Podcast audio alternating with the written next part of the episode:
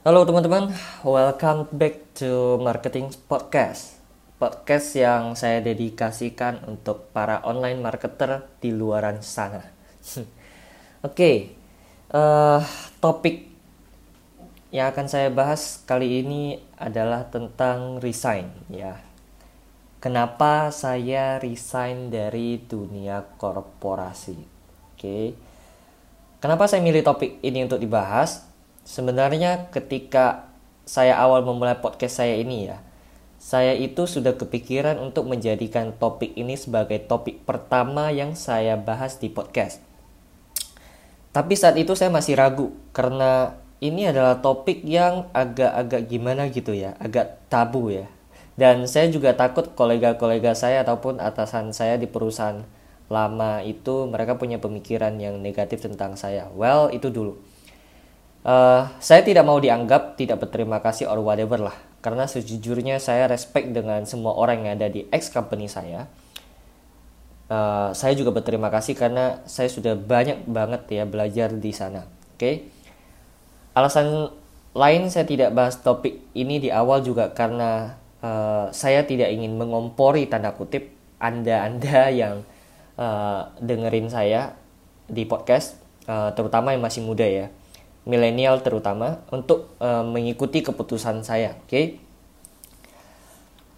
Tapi semakin ke sini semakin banyak follower saya menyerbu saya dengan pertanyaan uh, apakah mereka harus resign, kemudian apakah mereka harus kerja sama uh, dengan orang, ya? Kemudian ketika udah lulus mereka harus apa buka usaha sendiri atau mendaki tangga korporasi dan semacamnya lah. Oleh karena itu saya berpikir lebih baik saya menceritakan alasan kenapa saya memilih resign dari dunia korporasi, ya. Agar cerita saya itu bisa jadi referensi untuk membantu Anda berpikir lebih matang, ya, sebelum Anda mengambil keputusan. Saya sangat mengerti ya rasanya ketika Anda sedang dilema ya apakah harus tetap bertahan atau menyerah? Kesepian itu pasti. Juga ada rasa takut. Itu jelas. Setelah resign mau ngapain? Ya apakah bisa survive kalau misalkan saya resign? Besok mau makan apa kalau misalkan saya resign? Orang tua gimana? Masa depan lebih lebih cerah apa lebih suram? Ya pertanyaan-pertanyaan seperti itu pasti seolah-olah uh, sedang bergulat di dalam pikiran anda. Saya tahu itu Oke, okay? resign kagak, resign kagak, resign kagak deh, gitu ya. Jadi podcast ini uh, lebih untuk menemani teman-teman, teman-teman milenial terutama yang sedang galau apakah harus lanjut atau menyerah dengan pekerjaan yang sekarang. Ikuti saya hingga akhir dari podcast saya ini dan saya akan memberikan beberapa pertanyaan yang Dulu saya tanyakan ke diri sendiri sebelum akhirnya saya memutuskan untuk resign adalah pilihan yang tepat pada waktu itu. Oke. Okay? Sekali lagi apa yang saya bagikan di podcast ini adalah murni opini saya sendiri, keputusan saya pribadi dan Anda tidak harus mengikuti pilihan saya. Oke. Setiap orang pasti punya alasan tersendiri kenapa mereka stay ataupun kenapa mereka left. Hmm, mungkin ada baiknya saya cerita sedikit ya tentang background saya agar Anda bisa memahami secara utuh kenapa saya memutuskan untuk resign. Saya tidak punya background pendidikan yang gimana-gimana. Oke, saya tidak punya gelar di belakang nama, hanya sampai di S3 saja. SD, SMP, SMA. ya. Saya sudah mulai kerja itu sejak di bangku SMA. Pernah juga merantau ke negeri tetangga, negeri orang lain ya, kerja sebagai pelayan resto, imigran gelap ceritanya. Oke, okay. waktu itu lingkungan dan keadaan memaksa saya untuk menjadi dewasa lebih cepat dibandingkan anak-anak remaja pada umumnya.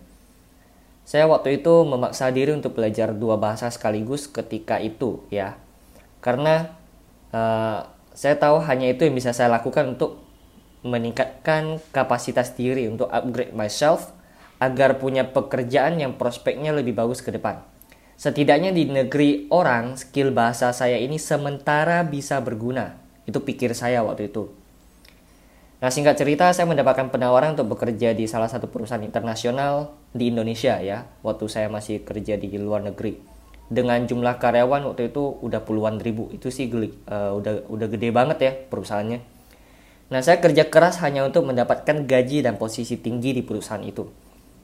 Dan well saya berhasil ya. Saya berhasil. Hanya dalam waktu kurang dari dua tahun gaji saya Eh, enam uh, tahun yang lalu ya sudah tiga kali UMR gaji uh, yang ada di Jakarta sekarang. Ego saya waktu itu naik bukan main ya. Pencapaian yang ya buat saya cukup cepat ya pikir saya waktu itu. Nah saya mengira semua akan baik-baik aja karena semuanya berjalan sesuai dengan goal saya dari awal. Oke? Okay? nah masuk tahun ketiga di perusahaan itu saya mulai ngerasa oh ternyata begini toh mendaki tangga korporasi. Saya mulai merasa this is not me ya. Ini bukan uh, sesuatu yang saya inginkan dalam hidup pikir saya. Nah saya pikir uh, akan lebih bahagia kalau misalkan saya mencapai posisi atau jabatan baru. Oke? Ternyata sama aja ya ternyata setelah saya capai posisi atau jabatan baru pun saya nggak bahagia di perusahaan itu oke saya mulai membenci diri saya sendiri waktu itu karena saya merasa saya telah menjadi tipikal orang-orang yang selama ini saya benci bukan main. Orang-orang yang kayak gimana yaitu orang-orang yang kerjaannya ngeluh melulu tanpa berusaha melakukan sesuatu untuk memperbaiki hidupnya. Pasti sering ya ketemu orang kayak gitu ya. Kerjanya ngeluh mulu, tapi nggak pernah uh, ngelakuin sesuatu yang berbeda untuk merubah uh, kondisinya uh, itu. Oke. Okay? Nah, akhirnya saya memutuskan, wah ini nggak bisa nih kalau kayak gini terus nih.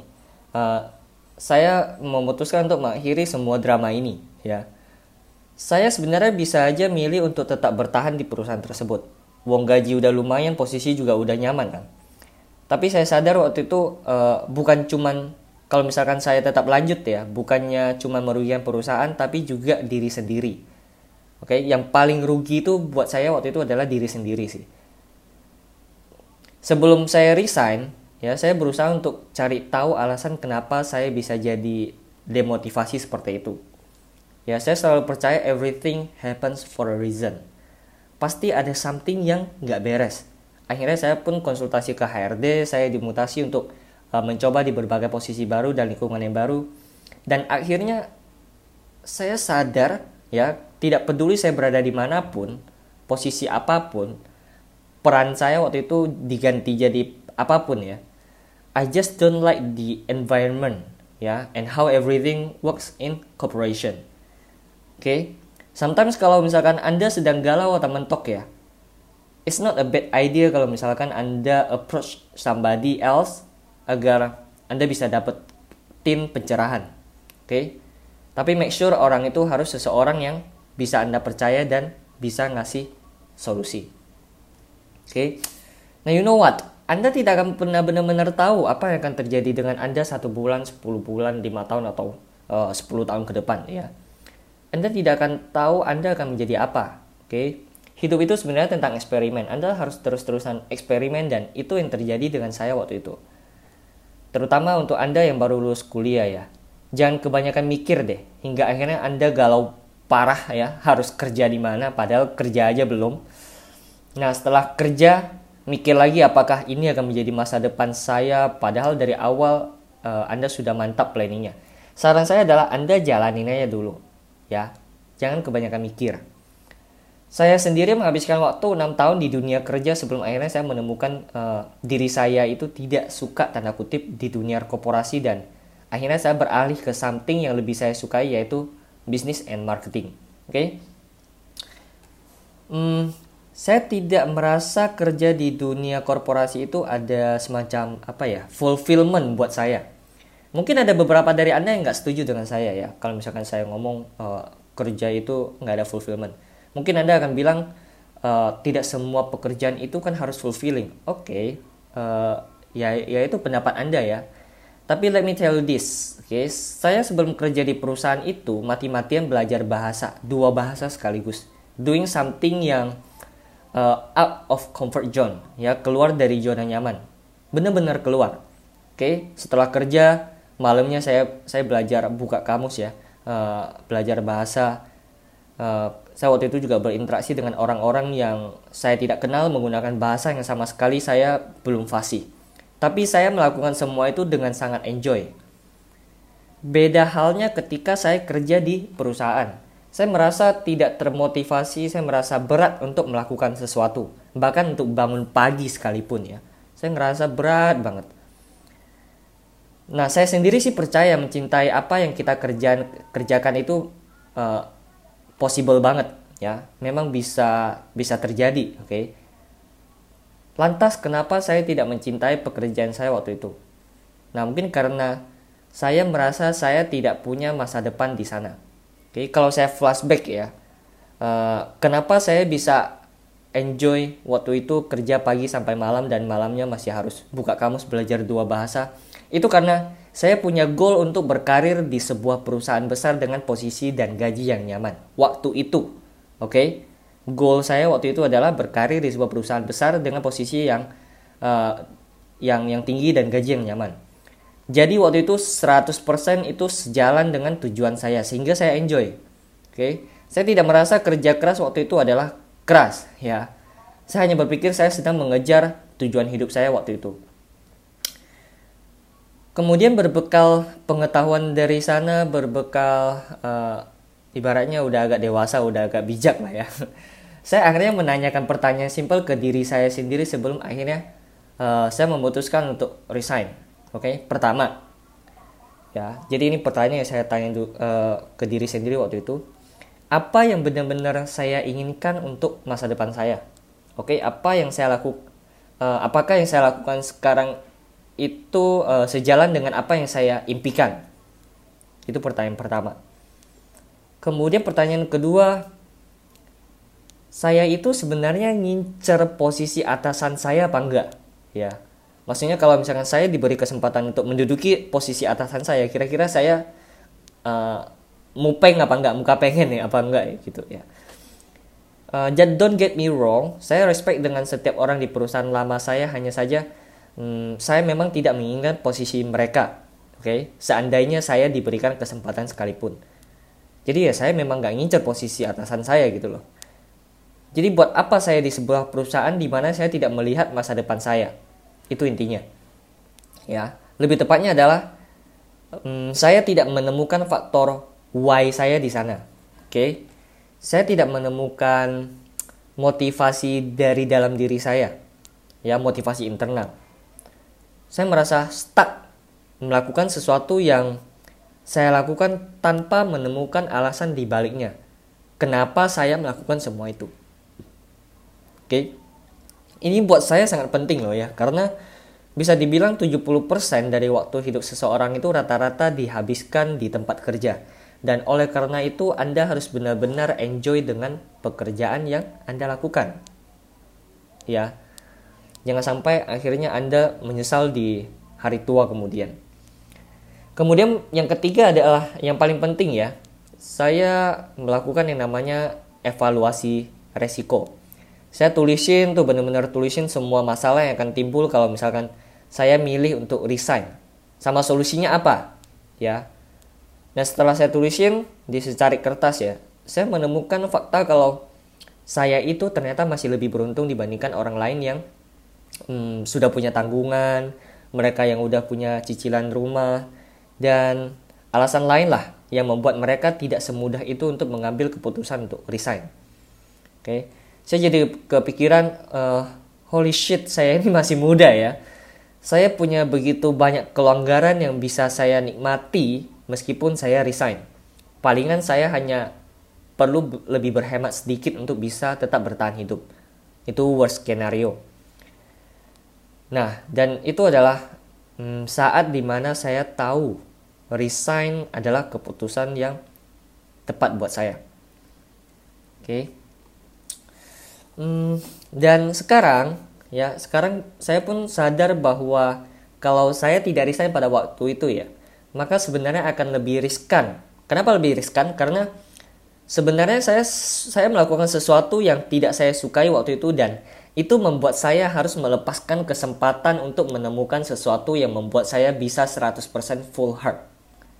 Ya 100% uh, sepenuh hati ngerjainnya. Saya harus melepaskan kesempatan itu kalau misalkan saya masih tetap stay di sesuatu yang tidak saya sukai.